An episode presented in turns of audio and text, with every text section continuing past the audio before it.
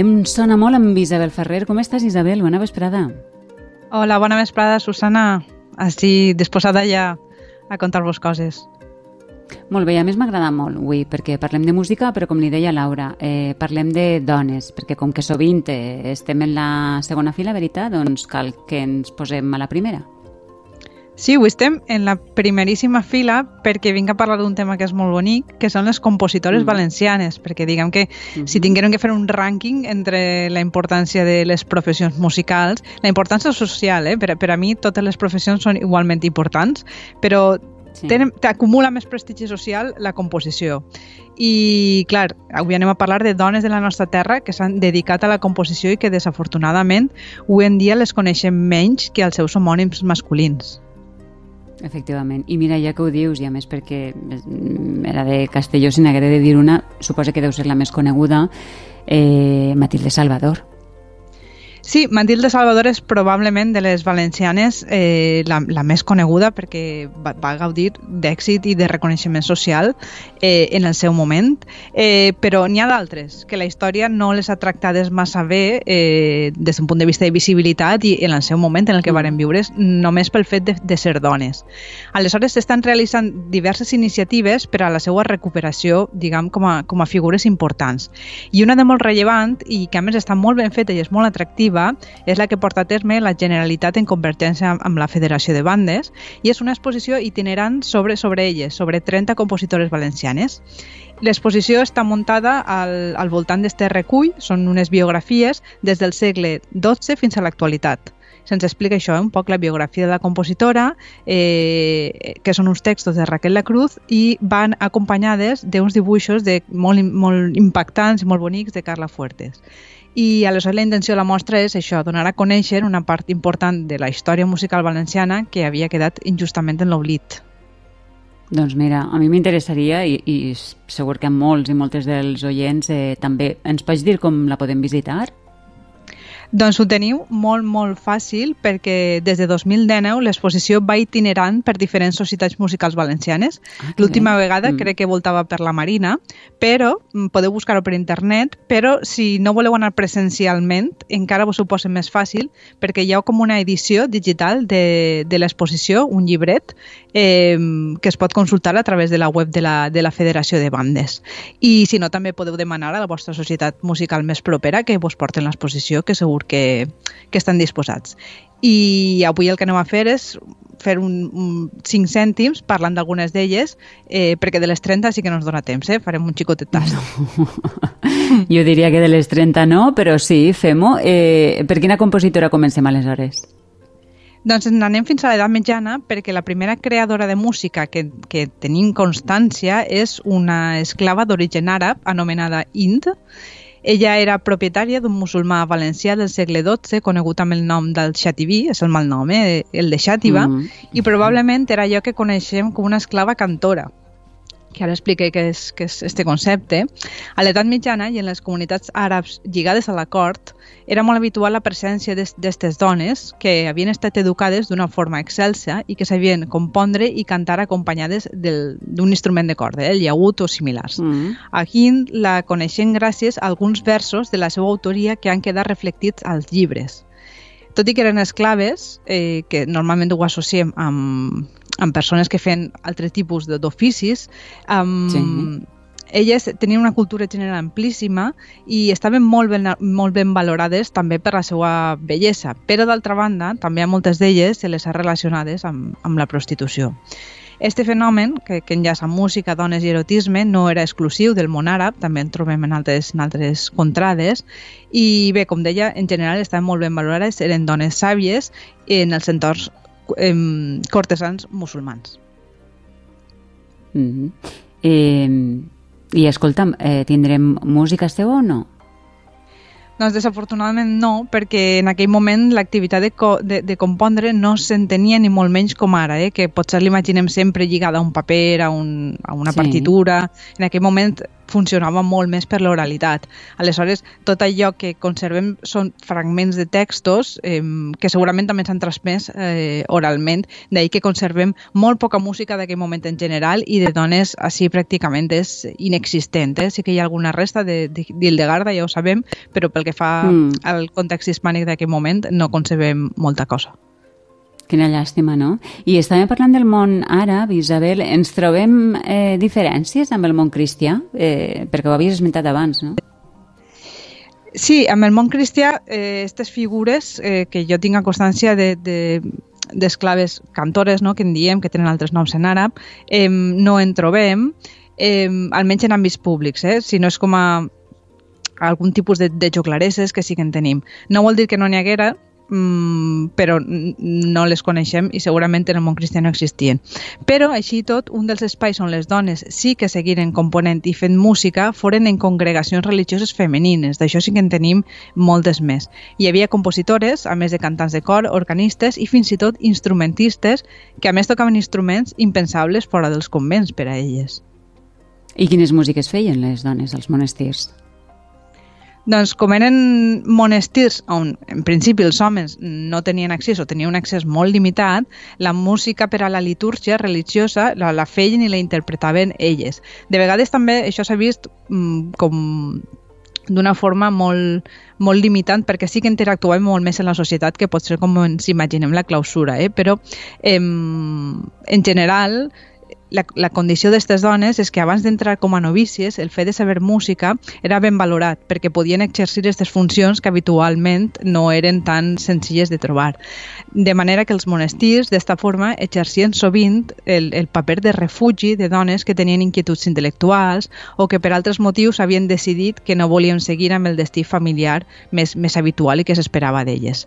En música, a l'estat espanyol conservem alguns dels documents més antics que descriuen l'activitat musical musical femenina en estos espais monacals, com és el Còdex de les Huelgues, o, eh, un poquit més tard, a la primera dona en Europa de qui en coneixem una composició per escrit, que és la monja eh, Gràcia Baptista, que va viure a Àvila i que, podrem, i que podem escoltar a continuació. sona,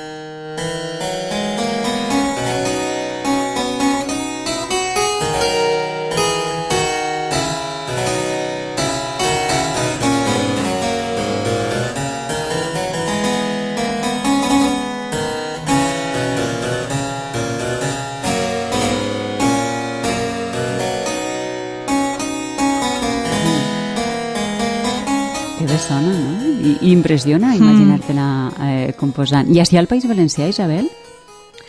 Doncs que en, en tinguem plena constància, almenys el, el que apareix a l'exposició, és hem d'esperar fins al segle XIX per a constatar la composició musical per part de monges músiques, tot i que tenim altres elements eh, que ens parlen d'això, mm. Eh, però aquestes monges eh, són tres germanes, que les anomenem les germanes Pitarc, i com deia, són tres monges valencianes que en diferents moments del primer terç del segle XIX van deixar és música escrita en convents de Sagunt, Sant Mateu i a València. I també un poc més tard tenim dos casos d'Emília de, Martí Vilaplana i Maria Carbona i Garcia, les dos d'Alcoia, també monges que exerciren com a compositores relacionades en el món conventual, en el món dels monestirs. Clar, així en aquest cas l'ambient religiós va ajudar no? a la creació musical femenina? Sí, sí, certament sí, perquè hem d'esperar ja quasi entre els segles XIX i XX per a trobar-nos amb compositores d'una forma més o més regular, que no vol dir que n'hi hagueren moltes, però sí que ja comença a haver una certa constància, però eh, almenys així hem, hem d'esperar un poc més, eh, fins al segle XIX i XX. De fet, este canvi de segle va ser un dels moments d'eclosió eh, de, de la formació de les dones en els conservatoris, moltes vegades d'aquelles que venien de família de músics o també que tenien una certa classe social per a moltes la, la formació musical era un complement que entre cometes quedava bé és, en, això per a les dones yeah. d'una certa classe social mm. i moltes d'elles no continuaren estudiant o no pogueren, eh? no perquè no els agradara ni no ho volgueren, sinó perquè mm, les convencions socials eren així i moltes altres sí que varen veure que eh, la música, al contrari que altres professions, era una cosa que més o menys eh, sí que estava ben vist i podien desenvolupar la seva afició i convertir-la en alguna cosa més, com a mínim abans de casar-se, eh, que era un altre dels drames que en moment es casaven mm. abandonaven la, la composició o la, la professió de, de música si s'havien pogut dedicar.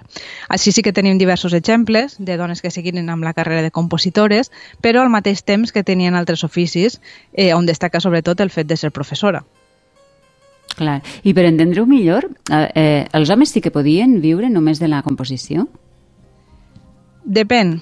Aquells que es dedicaven a la música per a espectacles, hi havia alguns que sí, però també ten, tenim molts que alternaven la, la composició amb, amb la docència. Crec que la diferència entre homes i dones és més de quantitat que no de, que no de qualitat, eh, per entendre's. Vull dir, hi havia molts més homes que es dedicaven a d'això, però eh, també molts havien d'alternar la, les, les dues professions, que és molt habitual o fer de músic també al mateix temps.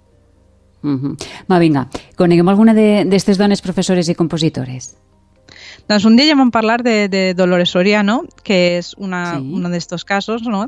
que és fonamentalment recordada per ser l'autora del primer himne del València, del València mm. Club de Futbol, i també tenim el cas de Maria Teresa Andrés Blasco, de qui escoltarem este passoble titulat de Che, interpretat per la banda de dones de la Federació.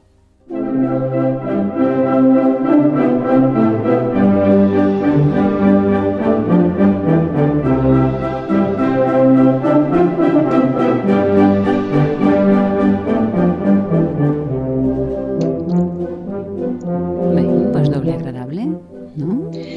ella, ella es va dedicar molt uh, a la música de ball i aleshores els, els ballables com els passadobles eren gèneres que controlava molt i que quan ella va escriure a més estaven molt, molt, molt de moda eh, el fet de saber ballar en parella i per tant s'escrivia molta música d'esta.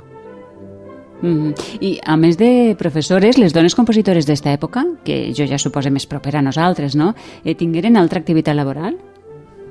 Doncs algunes poden ser concertistes, però hi ha uns casos que en criden molt l'atenció.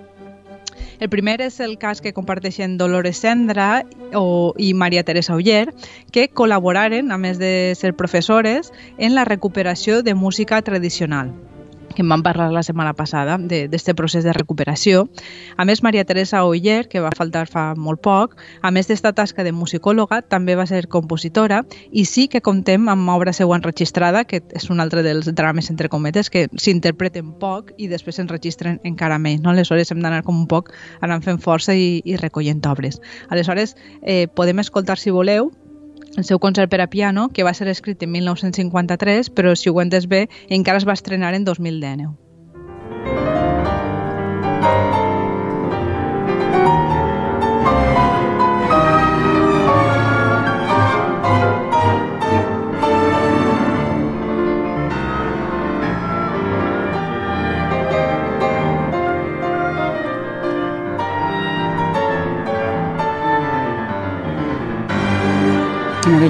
I escolta'm, eh, entenc, pel que escolte i constate, que les obres eh, no tenen res a envejar a la dels compositors.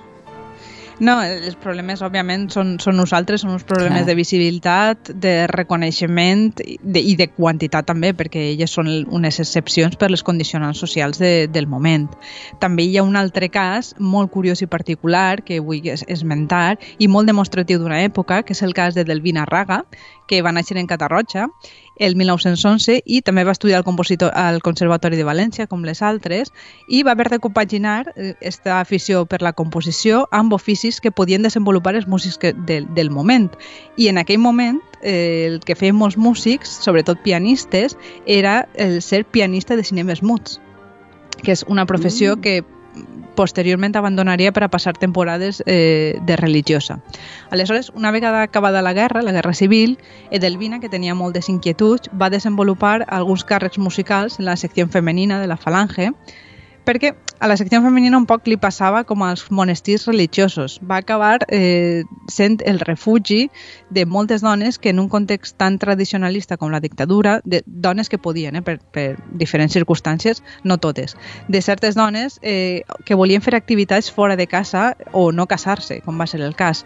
Aleshores, Edelvina, a més de la faceta de compositora, va voler dedicar-se, atenció, a fer guions de cine i se n'anà a Madrid. Uh -huh També era directora i va dirigir la banda municipal de València l'any 57, tota una fita, i d'altres moltes eh, activitats. Fins i tot va escriure un, un manifest l'any 1950, o sigui, totalment dins del franquisme, on reivindicava la participació de la dona en activitats artístiques i un poc denunciava el més preu cap a ella en concursos o oposicions.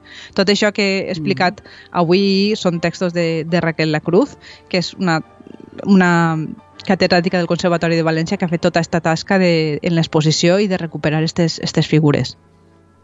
Escolta'm, una vida de pel·lícula, no? Eh, quasi com els seus guions.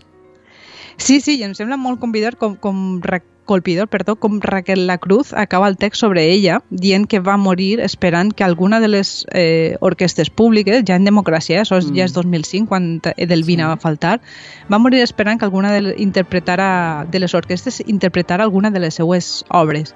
Així que nosaltres sí que volem escoltar-la i sentim un xicotet fragment d'un vals en la interpretació que fan Raquel La Cruz i Victoriano Guterres, que és en directe. Eh?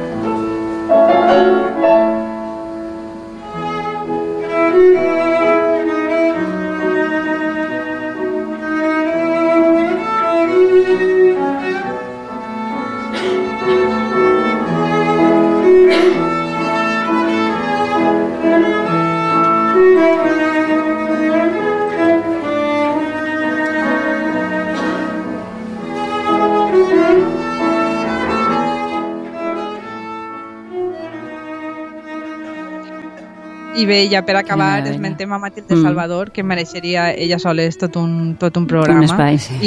I, I gràcies a totes elles, durant el segle XX, hem, 20 hem viscut un molt lent abans, però que ha fruit amb la situació actual, que tot i que podem dir que encara no és igualitària, sí que és molt esperançadora.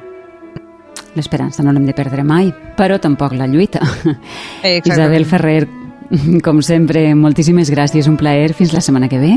A vosaltres, fins la setmana que ve.